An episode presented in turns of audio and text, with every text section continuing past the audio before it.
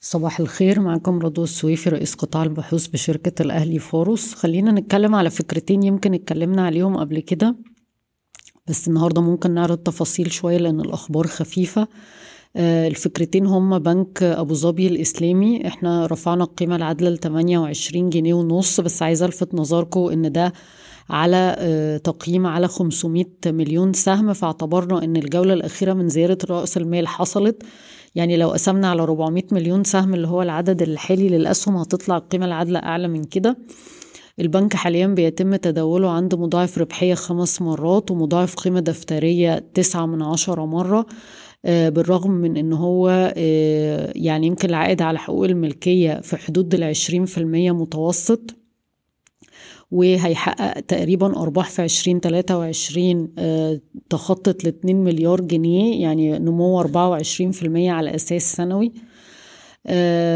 وكمان البنك عنده هوامش آه أعلى من خمسة في المية على مدى الخمس سنين والأرباح من آه من غير التمويل يعني أو من غير الفوائد آه، بتكبر بعشرين في المية سنويا. آه، البنك عنده نسبة القروض المتعثرة أقل بكتير من متوسط القطاع عند اتنين في المية ومتوسط القطاع أعلى من خمسة في المية ومتغطية تقريبا مرتين بالمخصصات. آه، لو بصيتوا على ال chart في ال pre-trading thoughts هتلاقوا ان هو من أرخص البنوك هو وبنك قناة السويس. فبأكد عليكم الاسمين دول يمكن من أرخص البنوك مقارنة بالعوائد اللي بيحققوها.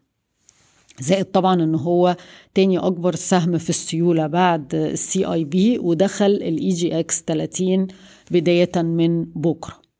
طيب الفكرة التانية اللي عايزة أتكلم عليها هي أموك عشان أنا شايفة إن سعر السهم حاليا ما بيعكسش خالص سعر صرف 30 جنيه وما بيعكسش برضو الارتفاع بين أسعار الديزل وال heavy fuel oil اللي هي تعدت أو متوسطها أعلى من ال 500 دولار للطن وبالتالي هوامش أموك إحنا شايفينها عند ال 14% مقارنة بالرقم العادي اللي هو في حدود ال 10% والشركة في 22 23 هتحقق أرباح فوق ال 2 مليار آه، جنيه.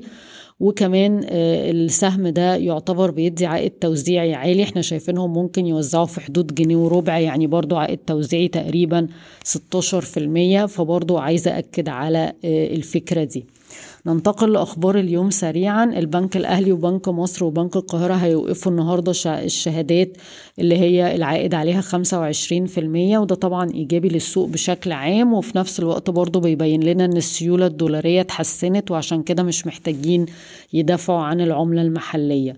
ارتفعت عائدات قناة السويس ب 46% على أساس سنوي في يناير علشان تصل ل 717 مليون دولار.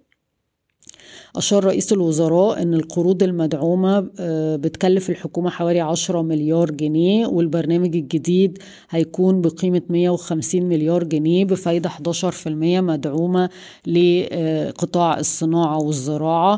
كما أن الحكومة بتنفق 6 مليار جنيه سنويا لدعم أسعار الكهرباء للقطاع الصناعي. أجرى السيسي محادثات مع الشركات الهندية لجذب استثمارات في البنية التحتية خاصة في قطاع الهيدروجين المتجدد والأخضر. آه، بالنسبة لل EGX 30 هيتم آه، إعادة آه، يعني موازنة المؤشر بكرة اللي دخل أبو ظبي الإسلامي وإيديتا وتعليم واللي خرج إسكندرية لتداول الحاويات التعمير والإسكان وكيو ان بي الأهلي. آه، في خبر في الصحف المحلية أن لا تزال المفاوضات مستمرة بشأن التسعير والحصة النهائية في صفقة استحواذ جهاز قطر للاستثمار على شركة فودافون مصر.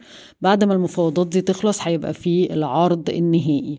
CI Capital أعلنوا إن هم بيدرسوا فرص استثمارية في قطاع الخدمات المالية آه، غير المصرفية من خلال التأسيس أو الاستحواذ. وبفكركم إن القيمة العادلة للسهم ده بالنسبة لنا 8 جنيه. بشكركم ويوم سعيد.